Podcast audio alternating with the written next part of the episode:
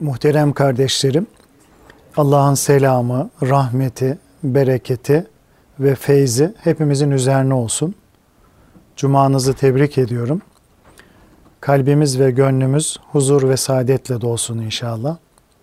Sohbetimize teberrüken Peygamber Efendimizin, Ehli Beyt'in, Ashab-ı Kiram Hazaratı'nın ervah-ı tayyibelerine, Peygamberler silsilesinin aziz ruhlarına, Sadat-ı Kiram Hazaratı'nın ve şehitlerimizin ruhlarına, dinimizin, imanımızın, vatanımızın ve milletimizin muhafazasına, her türlü musibet ve iptiladan kurtulup selamet ve afiyete vesile olması dua ve niyazıyla bir Fatiha-i Şerife, üç İhlas-ı Şerif okuyalım. Euzu billahi mineşşeytanirracim. Bismillahirrahmanirrahim. Elhamdülillahi Rabbil alemin ve salatu ve selamu ala Resulina Muhammedin ve ala alihi ve sahbihi ecmain. Muhterem kardeşlerim, bugünkü sohbetimizde dünyanın tehlikelerine karşı korunma yöntemlerinden birisi olan tevekkül konusunu sizlerle konuşmak ve paylaşmak istiyorum. Lugatte tevekkül aciz olduğunu belirterek e, başkasına itimat etmek demektir. Bir işin herhangi birine tevkil edilmesi ise onun o kimseye havale edilmesi anlamına e, gelir. Yine Allah'a tevekkül etmek de ona itimat etmek, güvenmek ve işinde Allah'a teslimiyet göstermek gibi manalara gelir. Seyyid Şerif Cürcani ise tevekkülün Allah'ın elindekine güvenip insanların elindekinden ümit kesmek olduğunu ifade etmektedir. İslam alınması gerekli bütün tedbirleri aldıktan sonra insanlara ve aracılara değil sadece Allah'a güvenme anlamındaki tevekkülü e, emretmiştir muhterem kardeşlerim. Nitekim bir ayeti kerimede Müslümanların sadece Allah'a dayanıp güvenmeleri emredilmekte ve Allah'a tevekkül edene onun yeteceği ifade edilmektedir.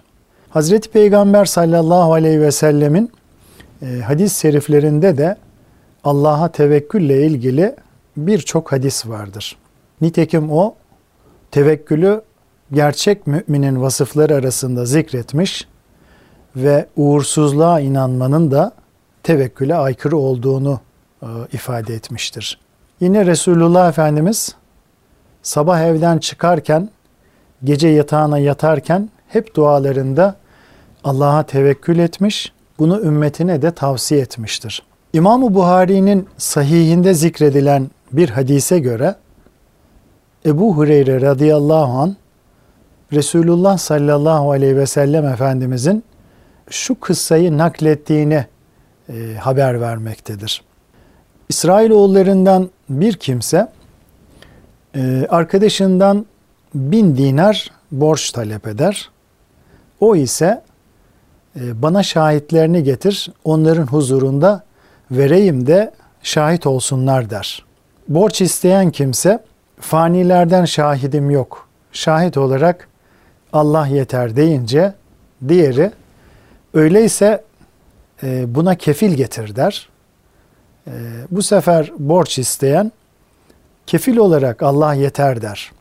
Diğeri doğru söyledin diyerek belli bir vadeye kadar e, parayı ona verir. Adam sonra deniz yolculuğuna çıkar ve ihtiyacını görür. Sonra borcunu vadesi içinde ödemek maksadıyla geri dönmek üzere bir gemi arar fakat bulamaz. Bunun üzerine bir odun parçası alıp onun içini oyar. Borçlu olduğu kimseye hitaben yazdığı mektupla e, birlikte bin dinarı oyduğu oyuğa yerleştirir. Sonra oyuğun ağzını kapatıp düzler ve denize getirip gönlündeki engin imanı ve Cenab-ı Hakk'a olan tevekkül, teslimiyet ve itimadını ortaya koyarak Ey Allah'ım biliyorsun ki ben falandan bin dinar borç almıştım. Benden kefil isteyince kefil olarak Allah yeter demiştim. O da kefil olarak senden razı olmuştu. Yine benden şahit istediğinde şahit olarak Allah yeter demiştim. O da şahit olarak senden razı olmuştu. Ben ise şimdi malını ona göndermek üzere bir gemi bulmak için gayret ettim fakat bulamadım. Şimdi onu sana emanet ediyorum der ve odun parçasını denize atar. Odun deniz üzerinde yüzerek gözden kaybolur. Sonra oradan ayrılıp memleketine gidecek bir geri aramaya devam eder. Diğer taraftan borç veren kimse de parasını getirecek bir gemi gelir ümidiyle e, sahilde ufuklara bakmaya başlar. Bu arada içinde parası bulunan o odun parçasını bulur. Onu ailesine odun yapmak üzere alır. Odunu testereyle bölünce e, içinde para ve mektup olduğunu görür. Bir müddet sonra borç alan kimse gelir, bin dinar getirir ve malını getirmek için durmadan gemi aradım. E, ancak bundan önce gelen bir gemi bulamadım der. Alacaklı e, sen bana bir şeyler göndermiş miydin diye e, sorar. Borçlu da ben sana bindiğim gemiden önce bir gemi bulamadığımı söylüyorum der. Alacaklı Allah Teala Hazretleri odun parçası içerisinde gönderdiğin parayı bize ulaştırdı ve senin yerine borcunu ödedi. Şimdi bu getirdiğin bin dinarı geri al ve selametle git der. Muhterem kardeşlerim, işte bu hadise temiz ve sağlam bir itikada sahip gönlün Allah'a olan tevekkül, teslimiyet ve itimadı neticesinde Cenab-ı Hakk'ın kuluna yardım edeceğini ve onu asla yüzüstü bırakmayacağını e, bizlere göstermektedir.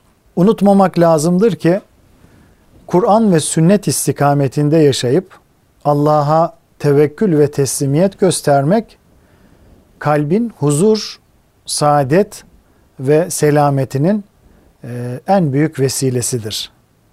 Cenab-ı Hak da kulunun kendisinden başkasına dayanıp güvenmesinden asla hoşlanmaz. Nitekim ayet-i kerimelerde şöyle buyurulmaktadır. Müminler ancak Allah'a tevekkül etsinler. Allah'a tevekkül edene Allah kafidir. Muhterem kardeşlerim, şimdi bir düşünelim bakalım. Acaba bizler karşılaştığımız herhangi bir hususta fanilere ne kadar sığınıyor, güveniyor ve onlardan yardım istiyoruz? Onların yegane yaratıcısı ve sahibi olan, faili mutlak olan Cenab-ı Hakk'a ne, ne ölçüde sığınıyor, güveniyor ve ona iltica ediyoruz. Aklımıza evvela fani sığınak, dayanak ve barınaklar mı geliyor yoksa baki olan Rabbimiz mi? İşte bu husus imanımızın seviyesini de ortaya koyan e, bir ölçü hükmündedir. İman ve irfan penceresinden bakıldığında hiç şüphesiz her hususta güvenilecek yegane merci ölümsüz, ebedi ve kadir mutlak olan Cenab-ı Hak'tır. Aksi takdirde Hakk'a tevekkül, teslimiyet ve itimadın bir manası kalmaz. Cenab-ı Hak bu hakikati e, şöyle ifade buyurur. Asla ölmeyecek, hakiki hayat sahibi ve daima diri olan Allah'a tevekkül et ve onu hamd ile tesbih et. Furkan suresi 58. Zira bir şeyi dilediğinde sadece ona kün yani ol demesi yeterli olan Allah bir şeye kefil olursa imkansız gibi görünen şeyler dahi kolayca olur. Bu sebeple kula düşen ona tevekkül ve teslimiyette ihlas ve samimiyet gösterebilmesidir. Fakat muhterem kardeşlerim, tevekkül asla tedbirlerin alınmasına mani değildir. Daha doğrusu tedbirlerin ihmal edilmesi İslam tevekkül anlayışının bir ürünü değildir. Zira Resulullah sallallahu aleyhi ve sellem devesini salıvererek Allah'a tevekkül ettiğini söyleyen birisine deveni bağla ve sonra tevekkül et buyurmuştur. Hadisten de açıkça anlaşılacağı üzere kişinin önce devesini bağlayıp ondan sonra Allah'a itimat etmesi hiçbir zaman tevekküle aykırı bir davranış değildir. Tevekkül konusu ele alınırken gerçek tevekkülün ne demek olduğuna dair nakil ve değerlendirmelere biraz geniş yer vermek daha isabetli olur. Zira dünyanın tehlikeli yönlerinden korunmak için gerekli tedbirlerden birisi olarak gördüğümüz tevekkülün bu yönüne ağırlık vermemizin sebebi Müslümanların bu konuda oldukça yanlış bilgilere sahip olmaları ve neticede İslam'ın benimsemediği bir tevekkül anlayışına kapılmalarıdır. Bu anlayışa göre çalışıp çabalamadan rızkın Allah'tan gelmesini beklemek takvanın bir gereği sayılmış.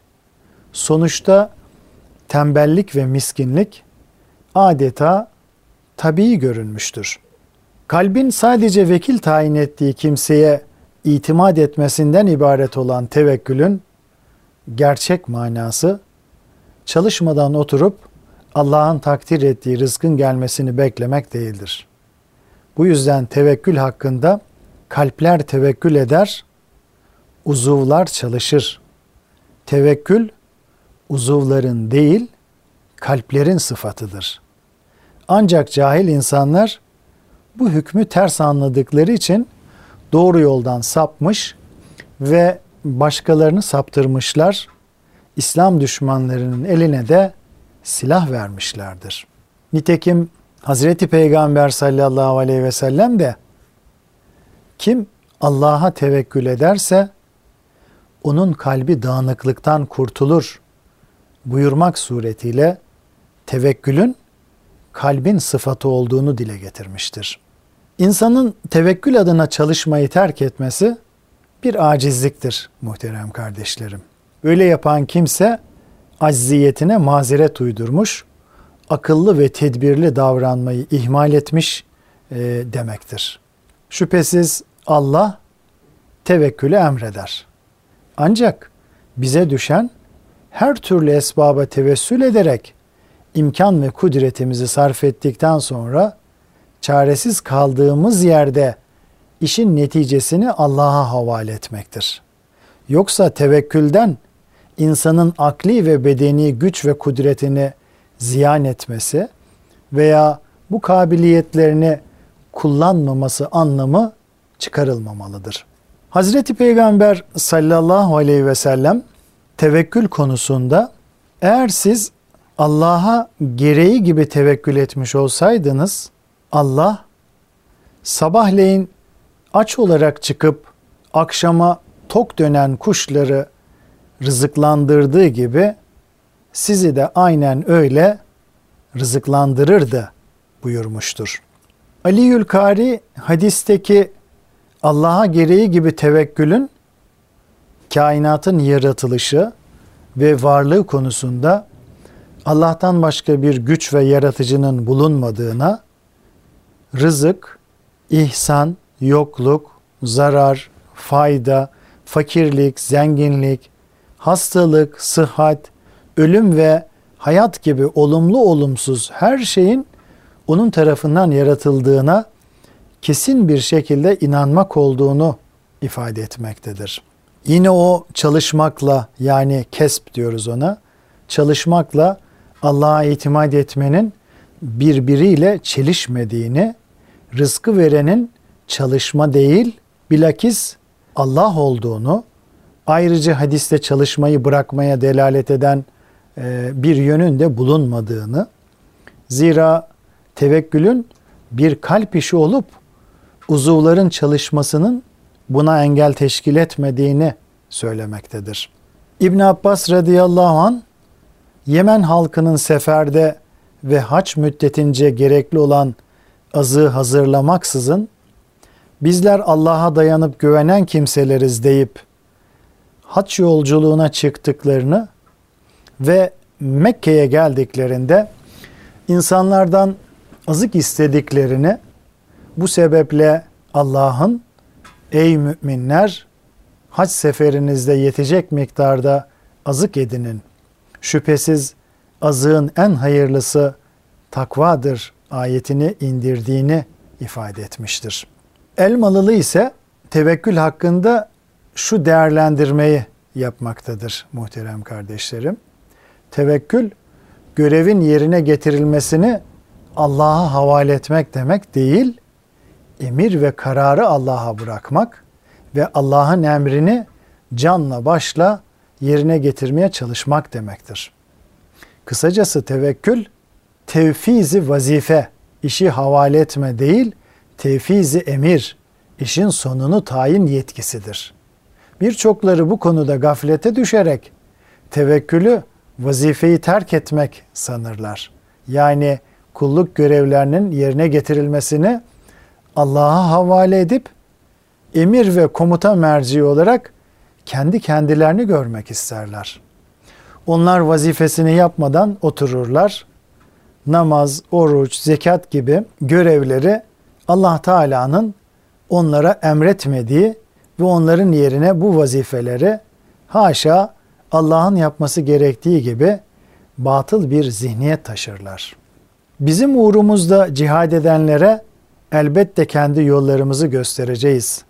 Şüphesiz Allah iyilerle beraberdir ayetini esas alan İstiklal şairimiz Mehmet Akif Ersoy'un e, tevekkül hakkında yaptığı yorumu kendi orijinal ifadeleriyle aynen şöyledir. Burada mücahede mutlaktır. Bir meful ile mukayyet olarak buyurulmamıştır. Bir kayıt varsa da o Allah için yani hayır için olmasıdır. Ayeti kerime bize şunu bildiriyor. Hangi hayırlı maksat için olursa olsun çalışanlar, çabalayanlar lakin Allah için çalışanlar hidayet yolunu, feyz yolunu, saadet yolunu mutlak bulacaklardır. Evet, Allah Zülcelal Hazretleri feyyazı kerimdir. Şanı azimi için haşa buhl, cimrilik mutasavver değildir. Cimrilik düşünülemez. Ancak bir kere onun feyzini kabul edebilecek istidadı hazırlamalı, yani çalışmalı, sonra da feyyazın feyzini esirgemeyeceğinden emin olarak hiç fütur getirmemelidir. İşte tevekkül diye pek azımızın anladığı yahut çoğumuzun anlamak istemediği mahiyet budur. Yoksa armut piş, ağzıma düş gibi miskin temennilerin tevekkülle hiçbir münasebeti olamaz. Tevekkül demek insan için mesainin, mücahedatının evvelce 2-3 sıkıntı gözükse bile mutlaka sonunda tevfike mazhar olacağına karşı gevşemez bir ümit, sarsılmaz bir itminan beslemek demektir. Bu demektir ki tevekkül bir şuur hali olup çalışmaya aykırı değildir. İkbal'in de ifade ettiği gibi tevekkül bir fiil ve amelin inkarı değil, hudutsuz bir kuvvetten beslendiğimize inanmaktır ki bu fiili terke değil, fiilde kararlı ve gayretli olmaya sevk eder. Görüldüğü üzere bir kalp işi olan ve dünyadan el çekmek anlamına gelmeyen tevekkül, bütün esbaba tevessül ettikten sonra insanın muvaffak olacağına dair Allah'a sonsuz güvenmesi ve ona teslim olmasıdır. Bu ise huzur ve saadetin elde edilmesine vesile olan önemli bir haslet ve dünyanın sıkıntılarına karşı koruyucu bir tedbirdir. Kendisinden istenilen şeyi ya da üzerine düşen vazifeyi yerine getirdikten sonra Allah'a tevekkül eden insan hiçbir dünyevi sıkıntı ve kederden etkilenmez. Çünkü o vazifesini yerine getirmenin huzuru içinde ister hoşlandığı isterse hoşlanmadığı şekilde neticelenmiş olsun sadece sonucun gelmesini bekler. Bu ise huzur ve saadetin kaynağıdır muhterem kardeşlerim. Mütevekkil insan bela ve musibetlere karşı sabreden, verilen nimetlere ise şükredendir. Böyle bir kimse her iki halde de dünyanın tehlikelerinden korunmuş demektir. Hoşlanmadığı sonuçlarla karşılaşan ve tevekkül sahibi olmayan kişinin eline geçen ise gam ve kederden başka bir şey değildir. Böyle birisi arzu ettiğine ulaşamadığında Allah'a isyan eder. Arzusuna ulaşabilmek için bitmez tükenmez hayaller kurar. Tuğle emeller besler ve büyük bir hırsla bu istek ve arzularının peşine düşer. Bütün bunlar ise kişinin ahiretini kazanmasına engel olan dünyanın tehlikeli yönleridir. İşte bu tehlikelere düşmemenin veya onlardan kurtulabilmenin bir yolu da şüphesiz Allah'a sağlam bir tevekkül anlayışıyla kul olmaktır. Cenab-ı Hak hepimize tam bir tevekkül ve teslimiyet lütfetsin. Kalın sağlıcakla muhterem kardeşlerim.